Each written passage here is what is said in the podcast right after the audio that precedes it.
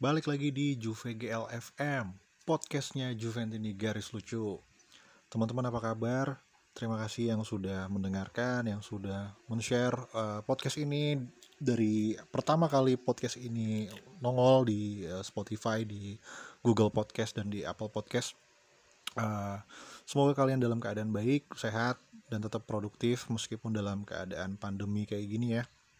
Oke, ini hari ini uh, cukup spesial, uh, very special malah, karena gue akan ditemani oleh teman gue, seorang Juventino, bapak bapak kece. Geli banget gue ngomongnya ya. Ya, tapi dia mengklaim dirinya adalah bapak bapak kece. Uh, dia salah, uh, dia juga berprofesi sebagai uh, penyiar radio di Semarang. Uh, kemarin sempat akhir tahun lalu ya 2020 dia sempat uh, liburan tapi liburannya nggak ke luar kota nggak keluar negeri tapi di rumah sakit. Namanya Mas Ogi. Kita akan ngobrol banyak sama Mas Ogi soal uh, liburan dia kemarin akhir tahun. Uh, terus juga hobi ngobrolin Juve juga. Uh, banyak lah pokoknya nanti kita sharing-sharing sama Mas Ogi. Langsung aja nggak pakai basa-basi kita coba uh, ngobrol langsung sama Mas Ogi. Mas Ogi apa kabar Mas Ogi Halo Handi, ini yang punya JVF, JVFGL ya. Jadi ngomongnya sekelipet-lipet gitu sih gue. Dari Juventini garis lucu ya. Uh, medsosnya lumayan ngetop sih di Twitter dan semoga podcastnya juga sama ya. Nanti bisa ngetop juga. Uh, so far sih aku lagi bed rest. Kemarin habis opnam tuh sampai tiga kali tau gak sih? Iya gegara batu ginjal. Jadi pertama kali opnam tuh dicoba uh, pengobatan istilahnya ESWL atau electric sound wave. Uh, L-nya apa ya? Lupa gue pokoknya dengan cara kayak uh, alat kayak balon gitu kita tidur ditempelin di saluran ureter kita yang ada batunya terus itu kayak jeduk-jeduk gitu jadi kayak dipukul-pukul gitu pakai gelombang suara. Nah itu diharapkan batu ginjalnya bakal uh, hancur terus bakal turun keluar uh, sama urin gitu pada saat kita pas buang air kecil. Tapi ternyata nggak berhasil karena batunya tuh keras banget. Dan akhirnya uh, gue pulang dulu terus disuruh pulang dulu. Uh, terus habis itu uh, datang lagi ke rumah sakit. Uh, dicoba lagi pakai yang dibedah istilahnya URS uh, URS itu singkatan dari urin res apa sih pokoknya uh, apa sih alat alat kayak kabel gitu ada kameranya ada penembak lasernya gitu tuh dimasukin lewat saluran kencing ya uh, terus itu dipakai buat nembakin batu-batunya gitu. Nah itu yang kedua. Yang kedua tuh udah udah pecah tuh batunya udah keluar. Tapi habis itu ada lagi turun lagi dari ginjal lagi. Karena uh, ternyata sih baru tahu juga kalau batu ginjal itu uh, kalau yang sekarang sih uh, operasinya itu yang aman itu harus turun dulu dari ginjalnya gitu loh. Kecuali kalau yang udah gede banget yang segede uh, apa sih telur gitu ada sih katanya itu harus bedah kalau itu. Karena itu mengganggu ginjal. Kalau yang kecil-kecil gitu dia uh, harus turun keluar dari ginjalnya dulu baru bisa ditembakin gitu. Jadi uh, setelah yang kedua itu pulang uh, kok sakit lagi gitu kan. Terus gue uh, apa sih ke rumah sakit lagi di USG lagi itu ternyata ada lagi yang turun lagi. Jadi yang ketiga malah lebih gede dari yang kedua ya. Dan akhirnya ditembak lagi dan alhamdulillah sekarang insya Allah udah bersih ya. Karena uh, apa sih kemarin sempat di USG yang canggih gitu yang bisa menerawang ginjal juga yang katanya sudah nggak ada ya. Alhamdulillah deh. Sakitnya minta ampun tuh waktu proses turunnya batu dari ginjal ke saluran kencing tuh sakit banget sampai melintir-melintir gitu rasanya Oke, padahal gue cuma nanya soal perkenalan dan uh, kabar sih, Gi. Lu nggak harus dijelasin detail gitu juga sakit lu apa. Tapi gue jadi penasaran ya, uh, kalau emang uh, separah itu, itu kenapa bisa langsung tiba-tiba drop banget ya? Maksud gue apakah sebelum-sebelumnya lo nggak pernah mengalami gejala yang kecil-kecil dulu atau memang langsung uh, tiba-tiba drop begitu terus langsung uh, dirawat di rumah sakit atau gimana? Nah, ini penting nih edukasi kesehatan ya. Uh, dokternya tuh sih bilang sih sama aku waktu kita cek ke dokter spesialis urologi gitu, dia bilang pokoknya uh, semua penyakit ya itu awalnya adalah dari makanan, dari apa yang kita makan, dari apa yang kita asup. Dan setelah itu adalah kurang olahraga dan juga mungkin gaya hidup yang eh, nggak uh, sehat ya, yang suka ngerokok, suka uh, minum minuman keras gitu-gitu, terus kurang tidur gitu-gitu ya. Tuh kan uh, aku nggak sih kalau yang gitu-gitu. Kalau aku tuh masalahnya batu ginjal itu uh, satu uh, dokternya kan nanyain ada ada riwayat nggak batu ginjal gitu. Ada dari bokap gitu, terus kakakku yang cowok juga kena, terus aku juga kena. Nah itu uh, ada faktor genetik juga bahwa ada tuh uh, keturunan bahwa ada ginjal tuh yang yang apa ya istilahnya yang yang sensitif yang dia nggak nggak bisa ngeluarin semua kotoran dari hasil makanan yang kita makan atau minuman yang kita minum gitu. Dan itu uh, memang ngaruh juga sih aku memang makanya sembarangan ya makannya jorok banget. Jadi aku suka makan jeruan kayak kikil usus babat gitu ya. Terus hati terus apa sih rempelo hati gitu gitu pokoknya jeruan tuh gue suka banget terutama kikil tuh hampir tiap hari aku makan. Uh, nah itu. Jadi itu satu. Dua kurang minum air putih juga. Jadi Uh, sekarang aku uh, biasain ya uh, pakai target gitu. Jadi aku siapin air putih itu yang isi satu setengah literan itu uh, satu aku minum di tempat kerja satu aku minum selama di rumah gitu ya. Jadi itu aku malah tiga itu tiga liter air tuh sekarang harus aku habisin. Dan katanya dokter sih uh, minum air putih itu minimal itu 30 cc per 1 kg berat badan kita ya. 30 cc per 1 kg berat kita. Jadi kalau berat kita misalnya 70 berarti 30 kali 7 itu ada berapa tuh? 2,1 liter ya. Itu minimal ya. Jadi kalau kalau Eh, lebih banyak juga lebih bagus. Dan kalau bisa sih minum air putih itu dari pagi sampai siang aja. Jadi kalau sudah sore habis maghrib itu jangan terlalu banyak karena nanti kamu tersiksa. Aku sih? Uh, bangun jam satu satu pagi gitu terus pingin pipis gitu kan. Uh, karena nggak nggak boleh ditahan-tahan juga sih gitu. Dan ya itu uh, jadi tahu aja sih. Dan sekarang habis operasi yang ketiga itu jadi apa ya jadi lebih hati-hati sih udah udah nggak pernah makan jeruan lagi gitu. Terus juga uh, apa sih uh, minum air putihnya di target yang kayak tadi aku bilang gitu. Terus uh, aku juga suka banget uh, minum teh kental gitu ya. Kalau bahasa Jawanya tuh nas kintal yang panas legi dan kental. Ataupun panas manis dan kental tuh aku suka banget. Teh tubruk gitu tuh aduh suka banget. Dan itu dikurangin juga karena teh itu juga mengerak ya uh, kalau di ginjal tuh bisa membuat kerak gitu. Jadi uh, ya sekarang dibatasin lah sehari sekali gitu minum teh masih boleh terus kopi juga. Kalau kopi sih sebenarnya nggak apa-apa karena dia nggak merak nggak mengerak ya. Jadi ya itu pokoknya uh, air putihnya uh, ditarget harus segitu harus 30 cc per 1 kg berat badan kita ya itu. Oke baik, gue terus terang agak ngeri yang ngedengernya.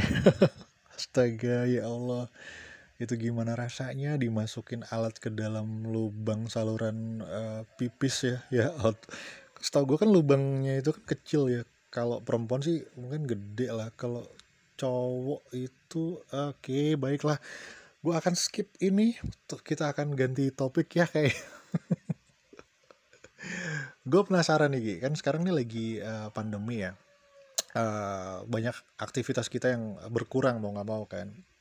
Nah kalau lo sendiri gimana? Lo kan uh, gila banget uh, sama nobar ya. Lo kan militan lah Juventino yang militan. Kan lo nobar di mana lo bela-belain datang terus juga yang gue tahu lo juga seorang movie entusias ya. Movie freak lah bisa dibilang. Kalau ada film baru lo dateng nonton di bioskop nah sekarang semenjak pandemi ini kan udah ke mana-mana nggak bisa uh, cafe dibatasi jam bukanya terus juga bioskop juga kayaknya tutup ya masih tutup ya gue nggak tahu sih. Uh, eh udah mulai buka sekarang sih.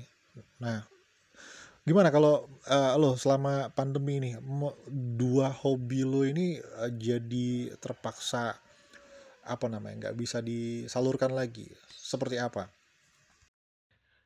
Ya benar banget sih ya, uh, jadi aku tuh satu yang kangen banget itu, uh, satu gue nonton di bioskop ya, karena, uh, sebelum pandemi tuh hampir tiap weekend tuh aku nonton bioskop gitu loh kalau ada film baru bagus gitu. Karena namanya juga movie freak ya, uh, nonton di bioskop tuh beda, apa sih, atmosfernya beda, terus, uh, apa sih ada hal-hal yang nggak bisa kita rasakan kalau kita cuma nonton di rumah pakai LED gitu ya walaupun LED-nya gede gitu walaupun udah pakai kayak apa sih uh, sound system yang bagus gitu tapi tetap aja uh, bahwa itu di rumah gitu loh bukan di bioskop gitu loh. Uh, nggak dapet atmosfernya nggak dapet. Terus yang kedua juga itu nobar. Tuh nobar tuh senang banget kan ya kita uh, banyak temen sorak-sorak gitu terus seru-seruan aja gitu kan bisa teriak-teriak segala macem gitu kan. Nah kalau nonton sendiri di rumah sendirian uh, keluarga juga nggak ada yang suka nonton bola jadi nggak asik juga gitu. Terus juga mau teriak-teriak juga apalagi di share-nya malam gitu kan mengganggu anggota keluarga yang lain. Jadi ya ya gitu nontonnya jadi kurang emosional gitu sih. Itu yang berasa hilang banget waktu pandemi itu itu. Jadi uh, nobar pas Juventus main dan uh, juga nonton film di bioskop. Kalau yang lain-lain aku kafe gitu-gitu nggak begitu sih ya. Uh, dan satu lagi jarang banget sekarang makan di warung ataupun makan di resto gitu sekarang jarang banget karena malas keluar kan pandemi gitu kan. Jadi sekarang malah sekarang uh, paling sering tuh jadi kayak pesan makanan yang delivery gitu jadi ya nggak apa-apa lah gitu kan bantu yang lain juga ya yang abang-abang drivernya gitu. Ya itu sih hal-hal yang kerasa banget. Satu nobar dua nonton bioskop terus apa lagi ya? Pokoknya di rumah aja deh sama di tempat kerja gitu. Nggak pernah nongkrong nongkrong lagi sama temen-temen gitu. Tuh nggak udah nggak pernah lagi. Terakhir tuh aku nonton apa ya? Film apa ya? Lupa. Ah uh, itu Vin Diesel yang Bloodshot deh kalau nggak salah. Itu tahun kemarin deh kalau nggak salah. Ya itu. Dan sekarang sih uh, ya nonton sih masih karena aku suka banget nonton film. Jadi apa ya nonton yang di aplikasi yang langganan itu kan. Sekarang kan banyak kan nggak usah disebutin sih. Dan ya lumayan sih. Tapi emang suka banget nonton film sama nonton Juve lah pastinya gitu. Tapi ya itu aja. Jadi kangen nonton bioskop sama nobar. Banget kangennya. Eh kalau dihitung-hitung kita udah setahun berarti ya eh, mau apa pandemi ini belum selesai-selesai juga ya. Gue agak ini loh Gi, apa uh, suka suka mikirin gini loh. Maksudnya uh, kalau orang introvert lah ya kayak gue yang kalau misalkan nggak uh, terlalu suka keluar rumah nggak terlalu suka ketemu orang. Itu kan kalau lagi pandemi dan lagi harus semuanya di rumah aja tuh kan kayaknya nggak ada masalah gitu. Cuma orang-orang kayak lu nih yang yang uh, yang ekstrovert yang pengen banget ketemu orang yang memang terbiasa ketemu orang nggak bisa uh, stay di rumah gitu. Uh, kayak apa coba rasanya? Pasti tertekan. Ada adanya aturan psbb kayak gini kan pasti wah gimana ya? Gue gue justru mengkhawatirkan orang-orang kayak lo gitu. Jadi apakah lo sehat secara mental semenjak psbb ini atau kayak gimana?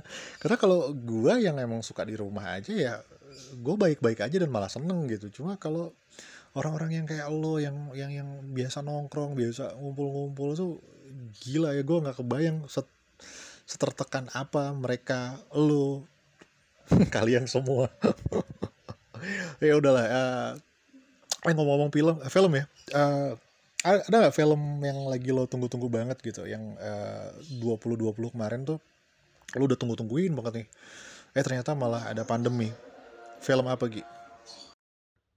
Ya bener banget sih ya. Uh, tapi sih kalau aku waktu baru-baru pandemi yang harus di rumah, harus apa sih isolasi diri sendiri gitu, terus ke mana-mana pakai masker gitu, emang uh, seminggu pertama, dua minggu pertama tuh berat banget.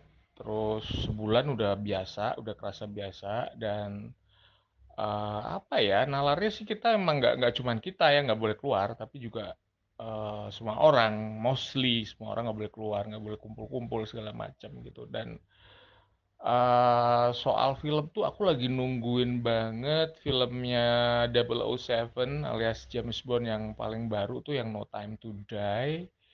Itu kan harusnya kan uh, apa sih itu film-film akhir tahun ya, film-film yang box office yang disiapkan untuk winter season ataupun biasanya diputar deket-deket Natal Desember gitu ya. Uh, itu uh, udah nunggu-nungguin banget gitu terus eh pandemi. Jadi akhirnya kan di cancel semua kan film-film yang berbudget gede gitu kan dan uh, aku suka banget itu karena aku baca di sinopsisnya tuh ceritanya twisting banget dan yang jadi villain yang jadi penjahatnya tuh si Rami Malek yang kemarin barusan menang aktor terbaik di berbagai ajang ya di Oscar, Golden Globe dan lain-lain yang meranin jadi The Legend Freddie Mercury gitu ya. Dan aku juga suka banget sama OST-nya yang dinyanyiin sama Billie Eilish ya yang lagi heboh banget, lagi menang Grammy banyak kemarin.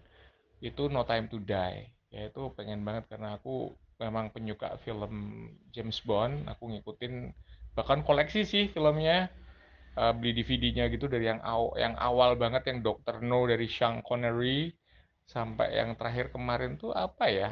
Writing on the Wall itu yang soundtracknya si Sam Smith tuh yang Spectre deh kalau nggak salah ya. Jadi sebelumnya Adele yang Skyfall Skyfall judulnya sama Skyfall. Terus yang kemarin yang terakhir tuh Spectre itu uh, Writing on the Wall soundtracknya tuh dinyanyiin Sam Smith dan James Bond tuh suka banget itu pada saat kredit title ya. Jadi pada saat uh, lagu soundtracknya itu diputar gitu kan kayak setelah lima menit opening dengan action gitu kan terus dia uh, jatuh terus tiba-tiba uh, grafis gambarnya tuh yang cewek-cewek yang siluet gitu-gitu kan yang itu tuh khas banget yang itu yang ditunggu-tunggu tuh kalau nonton film James Bond ya. Dan itu satu dan dua apa tuh pasti soundtracknya tuh keren. Semua film James Bond tuh soundtracknya keren.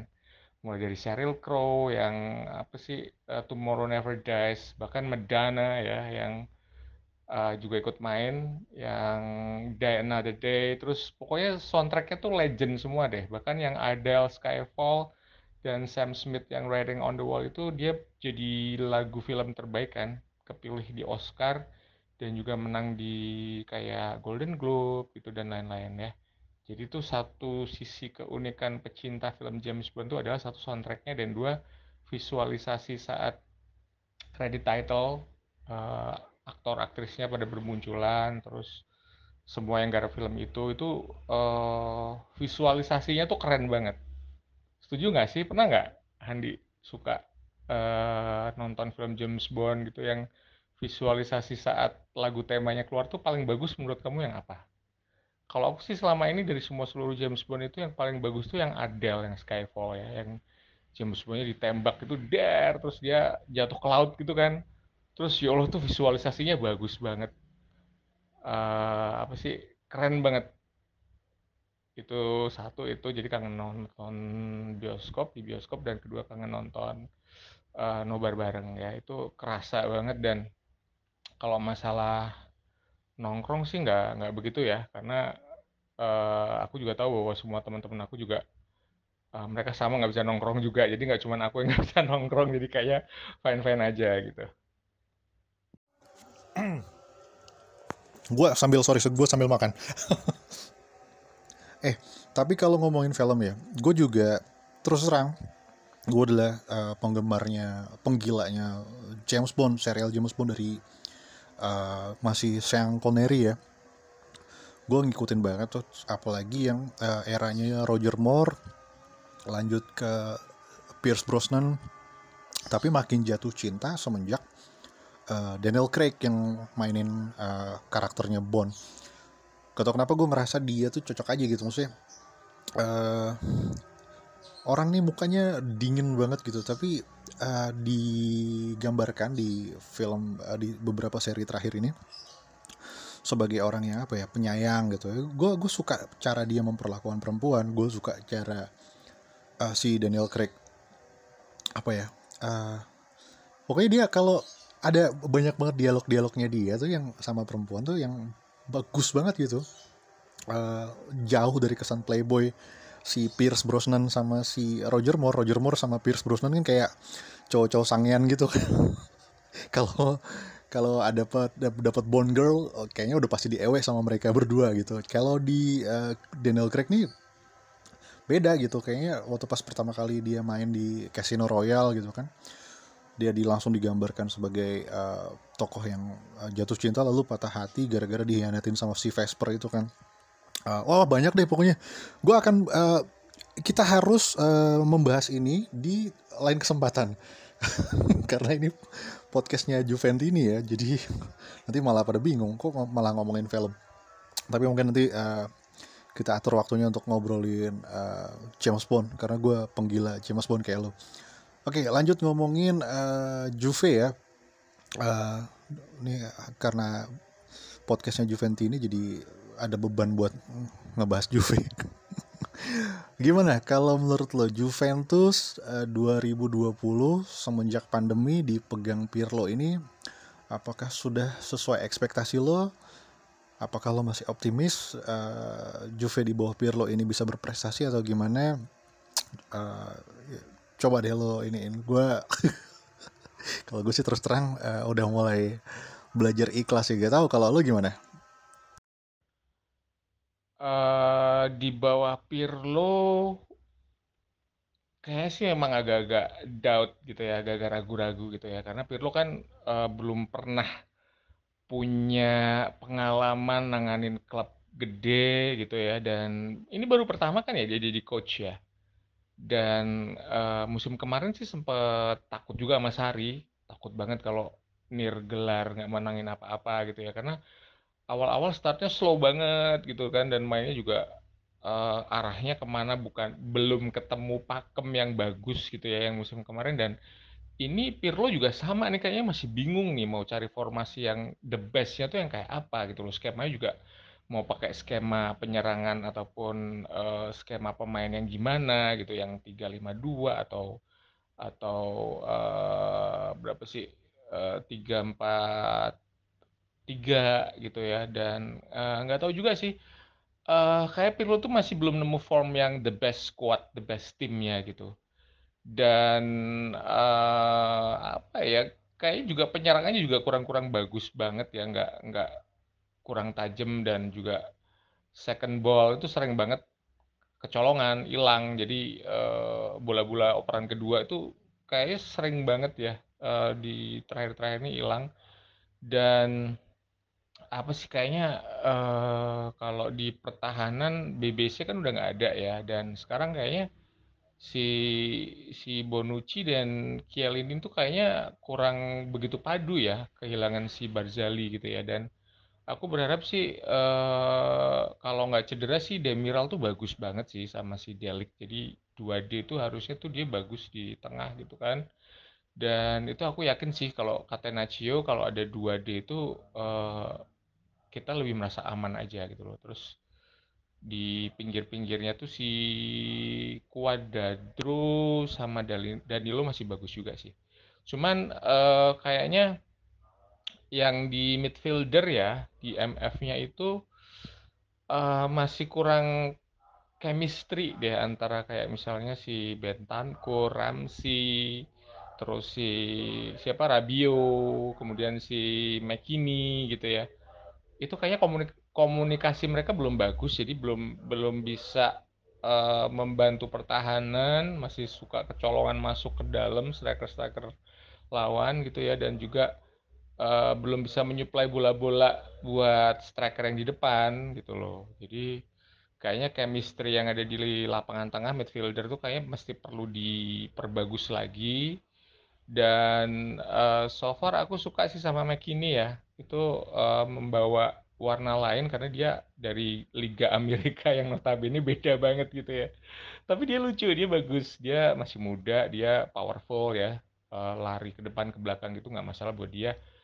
Uh, cuman mungkin dia masih harus dilatih uh, apa ya pergerakan tanpa bolanya kali ya, yang harus mungkin dia harus penempatan posisi yang lebih bagus biar uh, dia bisa dapat operan ataupun uh, ngegrab bola dari lawan yang mau mencoba masuk ke lapangan tengah UV gitu-gitu. Jadi kalau itu MF-nya kayaknya lebih harus dikompakin lagi dan kedua tuh maaf banget. Aku tuh sebel banget, masih sebel banget sama satu pemain Juventus yang namanya adalah Federico Bernardeschi ya. Ini boleh sih tampangnya cakep tapi apa ya banyak lah hatersnya gitu yang ngomong bilang ganteng-ganteng bego lah apalah gitu yang yang suka banget uh, menyia-nyiakan kesempatan buat ngegolin ataupun bikin assist gitu ya yang yang nggak tahu deh kayaknya uh, semua yang dia lakukan tuh uh, apa ya nggak sinkron gitu loh kalau gue ngeliatnya sih gitu. Jadi kalau udah dia starter atau dia dimasukin gitu tuh rasanya tuh yang yang aduh aduh kok dia lagi sih dimasukin kok dia lagi yang starter gitu. Cuman tuh nggak uh, tahu kalau so far tuh uh, ada pasti ada deh salah satu pemain yang jadi jinx gitu ya istilahnya yang jadi apa sih pengaruh buruk gitu ya yang yang bikin sial gitu. Dan tahun ini tuh kayak si Bernadesi gitu ya. Dan uh, ini tadi pertanyaannya apa sih? Gue jadi kayak out of context gitu ya. Uh, Pirlo di bawah Pirlo ya gitu. Jadi di bawah Pirlo sih aku masih doubt aja masih ragu-ragu aja karena dia belum pernah ngelatih tim gede dan belum pernah punya track record menang gitu ya uh, memenangkan suatu gelar gitu. Jadi uh, untuk Pirlo kayaknya dia semoga not too late belum terlambat. Uh, aku cuma berharap aja yang terbaik buat Pirlo dan dia bisa menemukan formula squad ataupun tim yang paling bagus, yang paling efektif buat mempersembahkan kemenangan-kemenangan kepada Juventus di laga-laga yang akan datang. Dan ya sebagai fan sih siapa sih yang nggak berharap kita menang ya? Kita bisa menangin uh, Scudetto lagi atau bahkan yang udah kangen banget itu bisa menangin piala si kuping lebar ataupun uh, Liga Champion ya. Karena ya Allah udah bosen banget deh dibully. Dibully masalah masalah Liga Champion gitu. Cuman uh, ada sih kakak gue tuh dia Milanisti gitu ya. Kemudian ada juga ponakan uh, yang Interisti gitu tuh ya bully-bulian gitu. Terutama kakak gue itu yang yang Milanisti tuh paling ngecengin banget tuh masalah masalah Liga Champion. Tapi gue bilang ya Juve tuh sebenarnya nggak bagus eh nggak jelek-jelek amat di Liga Champion. Karena tuh sudah menjadi finalis selama sembilan kali. Jadi kalau finalis tuh Juve udah 9 kali loh masuk final. Cuman juaranya baru dua kali kan. Jadi gue ngelesnya gitu aja sih. Terus kakak gue bilang apaan finalis yang nggak dihitung yang dihitung tuh menangnya. Dia bilang gitu. Ya itu untuk Pirlo kayaknya hmm, aku masih agak ragu-ragu dan ya tetap sebagai fans kita mendoakan yang terbaik ya. Semoga Pirlo cepat-cepat menemukan formula bisa menemukan skema pemain yang paling bagus, paling efektif untuk selalu memberikan kemenangan itu aja. Tapi emang lu masih optimis gitu, hmm, Juve bakalan dapat gelar di musim ini nih? Ini apa?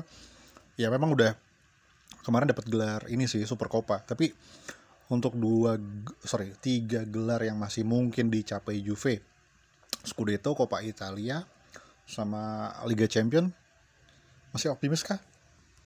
Kalau ditanya optimis nggak, uh, Juve bakal meraih gelar Scudetto musim ini? Ya iyalah.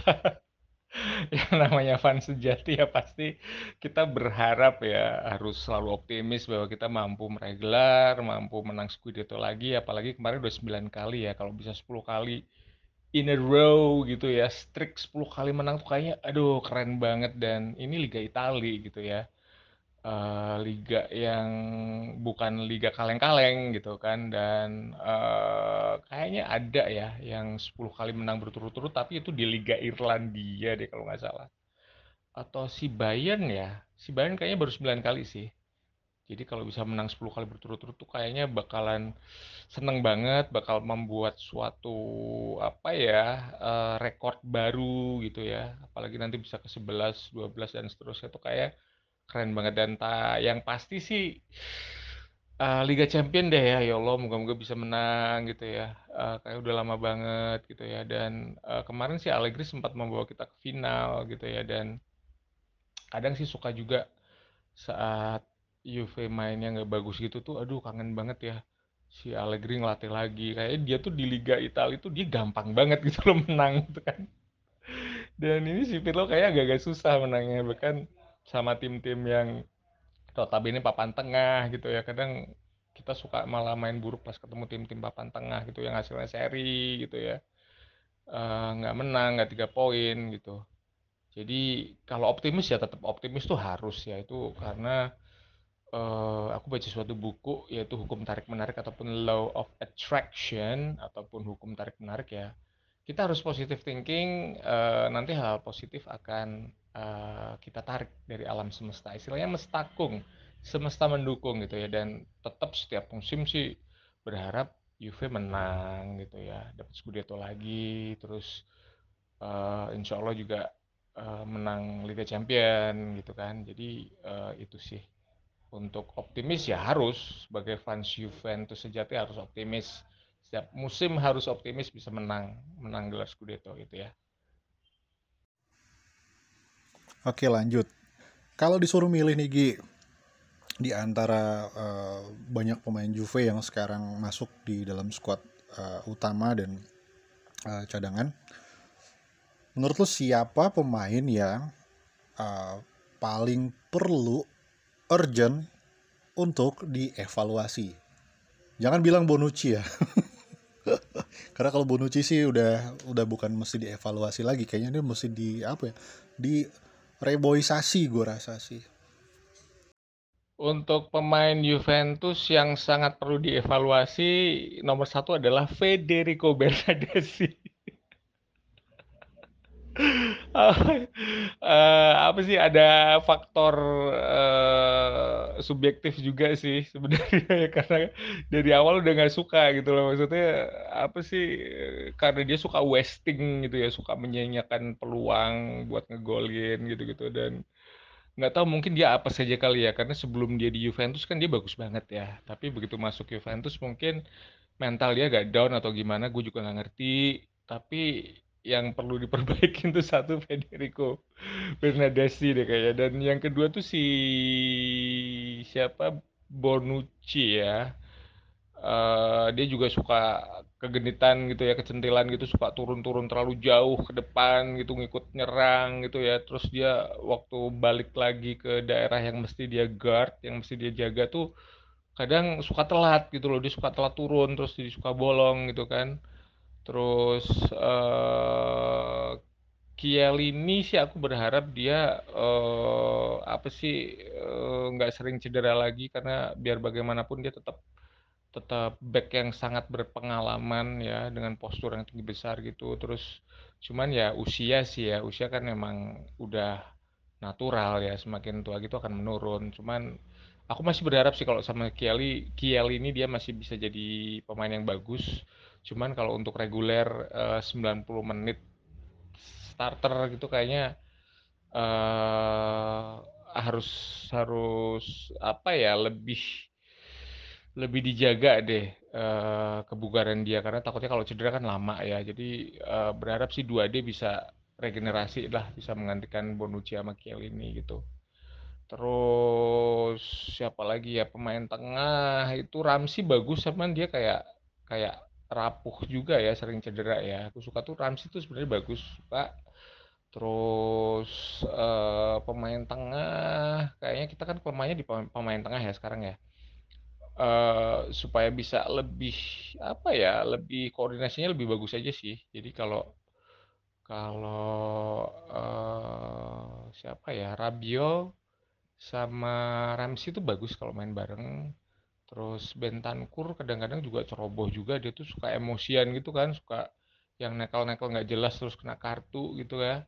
Terus uh, McKinney deh, McKinney kalau bisa uh, dia lebih banyak dijadiin starter karena dia membuat satu warna baru ya Juventus karena dia membawa mungkin atmosfer dari Liga Amerika. Tapi dia lucu sih dia dikomentarin waktu uh, ikut penyisian bersama timnas uh, Amerika gitu kan di penyisian uh, untuk masuk ke Piala Dunia gitu tuh gaya dia udah Itali banget gitu loh yang yang kalau protes ke wasit tuh pakai mimik yang Itali banget yang pakai ngomongnya pakai tangan, pakai ekspresi wajah gitu. Jadi aku sempet ketawa sih waktu baca bahwa Mac ini sudah terpapar gaya Itali gitu ya. Itali kan khas banget kan kalau pas pemainnya lagi apa sih berselisih sama pemain lain atau sama wasit gitu kan ngomongnya yang ekspresif gitu kan yang uh, pakai tangan, pakai ekspresi bicara, yang pakai mulutnya monyong-monyong gitu kan itu itu Itali banget gitu.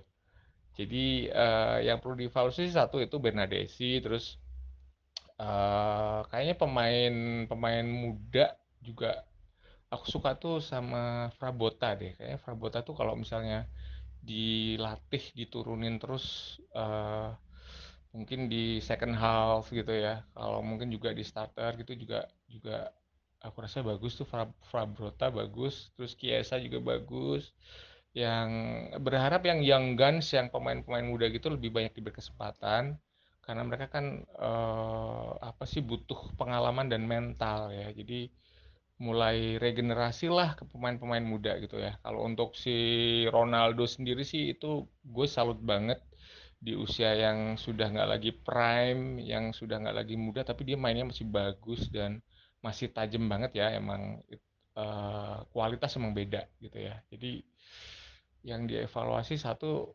Bernadesi satu lagi siapa ya yang kurang bagus ya Danilo tuh juga rentan cedera sih ya. Mungkin dia harus dilatih bagaimana cara jatuh yang benar gitu ya. Kalau nggak cara ngindarin tackle gitu ya. Kayak si Messi tuh kan dia kan kecil gitu tapi tuh dia dia pinter gitu loh. Dia waktu mau di tackle tuh dia bisa loncat-loncat. Makanya julukannya kan kelinci gitu kan. Jadi dia bisa bisa melindungi diri sendiri supaya nggak cedera gitu loh. Kalau jatuh pun dia uh, posisi jatuhnya dia juga yang safe gitu. Jadi apa ya mungkin uh, harus belajar seperti itu deh karena pemain pemain-pemain kita banyak yang rentan cedera gitu ya. Jadi uh, yang perlu dievaluasi itu ya satu Benedesi dan kedua uh, siapa lagi ya Danilo yang suka mencederai diri sendiri menurut gue yang jatuhnya salah melintir gitu-gitu kan. Terus uh, siapa lagi ya hmm, selain Federico Bernardeschi sama Danilo mungkin sementara dua itu aja sih kalau dua itu oke gue nggak bisa membantah sih kalau udah ngomongin soal Bernardeschi. Ini orang penyakitnya gue juga nggak tahu kenapa masih dipasang terus masih dicari-cariin posisinya. Itu gue rasa be, be, sorry be, kita udah pergantian pelatih udah dua kali ya berarti. Oh dari Allegri Sari sampai Pirlo. Ini tiga orang yang benar menurut gue orang yang baik ya karena masih mau mencarikan posisi buat Bernadeschi. Aduh gila gila gila. Tapi uh, apa ya tadi gue mau ngomong lupa deh tuh gue sebentar sebentar. Gue sambil scroll scroll uh, ah ini Ki. Kan udah 2021 nih mumpung masih di awal-awal lo punya harapan gak sih uh, uh, di 2021 ini? Apalagi kemarin lo sempet sakit uh, lumayan uh, drop parah gitu. Ada nggak sih rencana-rencana lo yang masih belum terlaksana gara-gara pandemi uh, di 2020 kemarin? Untuk harapan aku di 2021 ini setelah kemarin sakit, apa masih ada rencana yang ketunda gitu ya? Ah,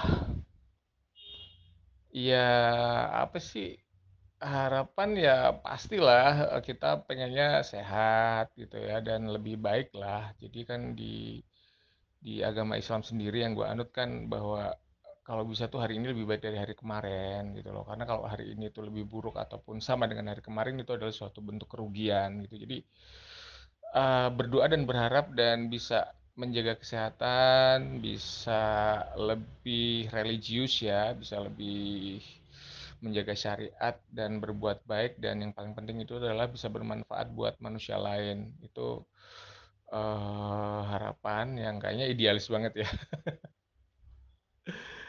Terus kalau rencana sih yang ketunda itu yang selalu jadi impian buat semua Juventini sih pasti pengen banget ya nonton live ke Turin gitu kan dan nggak tahu kapan sih kayaknya uh, rezekinya belum kumpul-kumpul juga buat bisa ke sana gitu ya. Jadi uh, salah satu harapan sih uh, buat semua Juventini saya rasa sama bisa pingin pingin bisa uh, ke Turin gitu ya nonton langsung di sana dan ketemu dengan fans internasional yang lain. Dan insya Allah juga bisa ketemu pemainnya gitu kan keren banget ya itu harapan.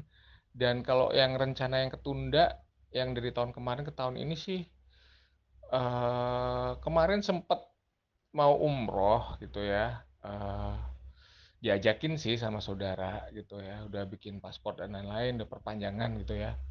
Cuman uh, rencananya sih ini mau berangkat gitu. Cuman kan karena pandemi ya jadi belum bisa berangkat gitu loh. Jadi uh, aku berharap sih semoga setelah pandemi itu aku bisa bisa uh, umroh sama saudara yang ngajakin gue itu.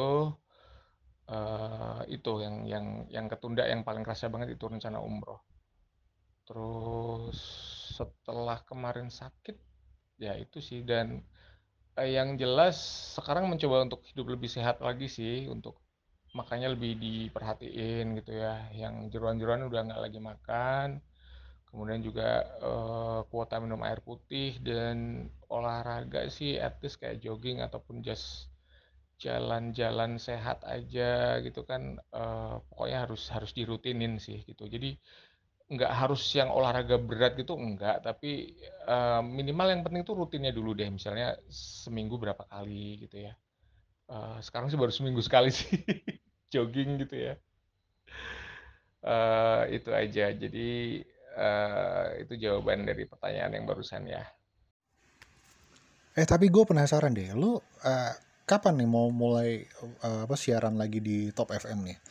Mungkin buat uh, para pendengar yang dari tadi uh, nyimak obrolan kita nih mungkin pada heran kali ini kok hostnya suaranya kalah bagus sama uh, gestarnya nih. Karena emang uh, tamu yang, yang kali ini tuh si Ogi ini memang dia seorang penyiar radio benar-benar uh, literally penyiar radio gitu. Kalau kalian uh, sering dengerin Top FM uh, eh, atau kalian bisa akses di via apa uh, radio streaming. Uh, cari aja Top FM itu sudah uh, se, se apa lah cakupannya udah se Indonesia ya karena kan di relay dari banyak uh, stasiun juga. Jadi sebetulnya si Ogi ini memang sudah sangat dikenal sebetulnya kalau lu uh, lu semua yang pada uh, nyimak obrolan ini tuh masih suka dengerin radio gitu. Beberapa kali juga si Ogi memang uh, sering nyantumin link streaming di sosial medianya. Gimana lagi? Kapan mau balik lagi ke Top FM? Atau mau rehat dulu? Atau pengen kayak gue juga nih bikin-bikin podcast nih? Ayolah bikin podcast lah. Bisa lah suara bagus gini. Apalagi uh, apa wawasan lu lumayan banyak nih soal film, musik, uh, terus juga bola. Wow. Ayo, kapan? Untuk kembali siaran ke Radio Top FM, insya Allah seminggu lagi deh, kalau nggak dua minggu lagi, karena aku belum boleh duduk terlalu lama ya, uh, karena itu salah satu penyebab uh, terjadinya endapan ataupun badu ginjal itu adalah duduk terlalu lama. Jadi kerja di kantor kan juga duduk mulu kan dari jam 8 sampai jam 5 gitu kan, paling break-break kalau makan siang ataupun sholat gitu kan. Jadi uh, ya itu Uh, jadi uh, insya Allah sih seminggu atau dua minggu lagi bisa siaran lagi. Dan bikin podcast sendiri sih gak tahu masih males aja Cindy. Terus juga apa ya kemarin sih udah download aplikasinya sih gitu. Cuman uh, belum belum mulai lagi ya. Aku sih berharap bisa bisa apa ya bisa rutin deh jadi guest di podcast tempat lo gitu. Kalau enggak juga bisa bantu-bantu lo jadi jadi hostnya gitu juga mau banget. Karena untuk memulai sendiri terus terang aku masih males ya masih masih belum belum belum apa ya masih belum berencana untuk buat podcast sendiri. Karena masih males aja. Satu kendalanya tuh males. Aku tuh seorang prokrastinator seorang yang suka menunda-nunda pekerjaan. uh, terus apa lagi ya? Uh, itu aja sih jawabannya. Kayak yang gua yang gua nggak suka dari Ogi tuh emang gitu tuh suka suka nunda-nunda, suka apa entar-entarin. Padahal kalau lo mulai dari kemarin-kemarin tuh, gue yakin podcast lo udah gede banget Gi, apalagi suara lo enak banget buat didengerin ya tapi ya balik lagi ke lu lah terserah lu gimana lu kalau emang lu pengen eh kalau udah waktunya pengen bikin sih gue rasa lu pasti bikin juga sih nantinya. Gue sih siap dukung. By the way ini karena udah kelamaan ngobrol takut pada bosen. Boleh dong kasih ini dong apa eh, pesan-pesan buat pendengar Juventini garis lucu podcast. Apa apa yang mau lu sampaikan ke teman-teman Juventini atau teman-teman tifosi. Atau siapa nih? Siapa aja lah yang nyasar terus dengerin uh, podcast kita ini. Silakan.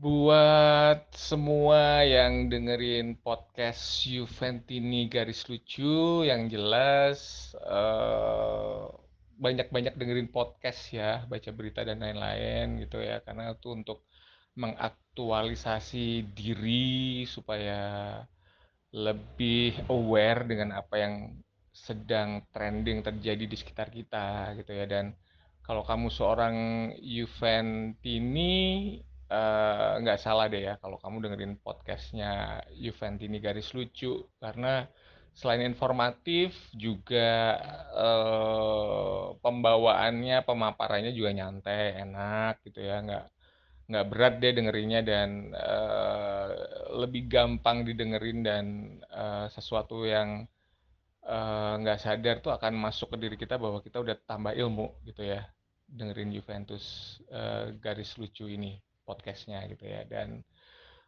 uh, untuk bikin podcast sendiri uh, belum belum belum belum ada rencana ya. Jadi uh, apa sih uh, itu belum ada rencana aja gitu. Dan uh, buat pesennya buat yang mendengarkan podcastnya Juventini garis lucu uh, apa ya ya itu. Pokoknya dengerin terus Juventini garis lucu podcastnya. Aduh iklan banget ya. Uh, ya nggak apa-apa benar gitu. Jadi uh, kalau kamu pengen dengar sesuatu tentang Juventus dan tentang Juventini dan apa yang mereka sukain, mereka lakuin dalam kehidupan sehari-hari ya dengerin aja podcastnya Juventini garis lucu. Dan mungkin kamu bisa jadi salah satu uh, guest star ya yang bakal dimunculin di sini. Jadi dengerin terus dan kamu bisa mungkin DM ke twitternya akunnya Juventini garis lucu ya uh, at cv underscore gl kalau nggak salah uh, ntar dicari deh ya. Uh, mungkin bisa DM di situ bisa kasih masukan-masukan untuk episode ke depannya. Enaknya gini gini segala macam gitu. Jadi uh, biar kita jadi podcast yang dua arah gitu ya. Bukan cuman yang searah aja yang kita ngasih informasi gitu tapi juga bagusnya itu bisa dapat juga informasi dari audiens dari Juventini yang lain. Uh, enaknya mau bahas apa nih ke depannya gitu. Jadi komunikasinya dua arah gitu ya. Dan uh, itu aja sih pesannya dan jangan lupa uh, apa ya mungkin lucu juga sih ya. Aku tuh tiap kali nonton Juventus tuh jadi lebih religius gitu ya. Jadi berdoa ya Allah berilah kemenangan untuk Juventus gitu. Jadi uh, sorry itu sih bukannya sok-sokan tapi ini beneran gitu loh. Jadi setiap kali Juventus main dan aku nonton tuh aku selalu berharap dan berdoa loh gue kepada Allah gitu kan. Ya Allah berilah kami kemenangan gitu. Kalau nggak paling nggak seri lah kalau udah babak-babak kedua udah mau kelihatan mau kalah gitu ya. Dan lucu sih pokoknya jadi pas nonton bola gitu uh, satu gue jadi jadi jadi religius juga, jadi berdoa juga baca Al-Fatihah karena gue orang Islam gitu kan dan memohon kepada Allah supaya Juventus diberi kemenangan gitu kan dan ya itu sih mungkin too much ya tapi itu emang benar uh, aku nggak bohong ya jadi tiap kali Juve main tuh gue selalu berdoa loh gue kirim al-fatihah karena gue agama Islam dan memohon kepada Allah Subhanahu Wa Taala ya Allah berilah Juventus kemenangan gitu. Itu satu ya yang mungkin buat Juventus yang lain mungkin bisa memulai juga hal yang sama karena jangan lupa the power of pray gitu ya adalah kekuatan berdoa berdoa berjamaah dalam waktu yang sama dan uh, di tempat yang berbeda itu bisa menimbulkan ini loh energi loh jadi bisa pesannya itu bisa sampai gitu kan. Jadi buat para Juventini yang lain, uh, maaf kalau mungkin uh, suggest atau saran saya tuh terlalu berlebihan, tapi uh, boleh deh dicoba kalau setiap kali kita nonton pertandingan Juve live itu pada saat uh, bertanding gitu ya, uh, marilah kita berdoa bersama-sama menurut agama dan kepercayaan masing-masing, memohon kepada Allah, memohon kepada Tuhan Yang Maha Esa supaya Juve diberi kemenangan ya. Jangan lupa itu ada di buku Law of Attraction ya dari Rhonda Byrne dan itu ada di chapter bagian kekuatan doa ya. Jadi uh, ini nggak nggak sosokan ya tapi uh, beneran loh. Jadi saya kirim kirim pesan kepada semua Juventini Indonesia di mana pun kalian berada. Kalau pas Juventus Juventus main kita berdoa ya kita berdoa supaya Allah mengasih kemenangan kepada Juventus. Supaya Tuhan yang Maha Esa memberi kemenangan kepada Juventus. Dan itu kan hal yang baik ya kita mendoakan yang baik. Itu kan hal yang baik. Jadi saya pesannya itu aja sih gitu. Terus jangan lupa ikutin terus podcastnya Juventini garis lucu. Itu aja. Oke lumayan berat ya. Referensi lu lumayan uh, bikin kepala gue puyang juga sih. Tapi Gi thank you banget selalu senang selalu menyenangkan kalau ngobrol sama lu. Kayak nggak cukup buat sejam dua jam. Mungkin kita akan uh, cari waktu lain untuk ngobrolin yang lebih apa ya lebih lebih kita sama-sama suka gitu ya. Maksudnya uh, soal musik soal uh, film. Gue menunggu sekali diundang uh, suatu saat nanti lu tiba-tiba nge WhatsApp gue Han lu kapan ada waktu ngobrol di podcast gue dong gitu. Gue nunggu banget tuh sebetulnya. Uh, eh, gue rasa itu aja dulu. Untuk kali ini teman-teman uh, Juvent ini terima kasih sudah mendengarkan. Gi thank you banget. Uh, jaga kesehatan uh, sehat-sehat. Lo jangan minum air apa sembarang air air sembarang maksudnya jangan minum air es lagi jangan minum air yang rasa-rasa lagi. Eh, soda sodaan kurangin. Itu pesan buat gue juga sih. Gue masih minum soda gue masih minum teh kopi. Eh, kopi kata lo nggak apa-apa tapi kalau untuk gue sekarang udah mulai mulai berasa. Uh, mengikis-ngikis ini lambung kayaknya sih apa rasanya tuh kayak udah mulai perih-perih gitu. Terus juga apa ya ya pokoknya tetap jadi orang yang menyenangkan tetap jadi orang yang uh, baik. Gue sangat-sangat uh, banyak terinfluence lu ya maksudnya lu sering banget ngasih vip-vip bagus uh, buat gua gitu. Apalagi di grup WhatsApp kita masih satu grup WhatsApp kita masih tiap hari ngobrol. Thank you banget. Uh, jangan lupa uh, nanti uh, kalau udah Ogi udah balik lagi jangan lupa dengerin siarannya Ogi di Top FM di acara apa Gi? Lupa Gi gue halo Gi. Halo Gi Ogi Ogi masih di sana Gi wah gue ditinggalin si Ogi nih halo Gi ya udah gue closing aja kalau gitu oke terima kasih sudah menyimak uh, lain waktu gue akan ajak uh, Juventino lain Juventino atau Juventina lain untuk uh, ngobrol di podcast Juventini garis lucu. Terima kasih sudah menyaksikan. Gue udah berapa kali ngomong terima kasih. Berarti gue udah gugup, gue udah gak ada bahan. Wassalamualaikum warahmatullahi wabarakatuh. fino alla fine Forza Uhui!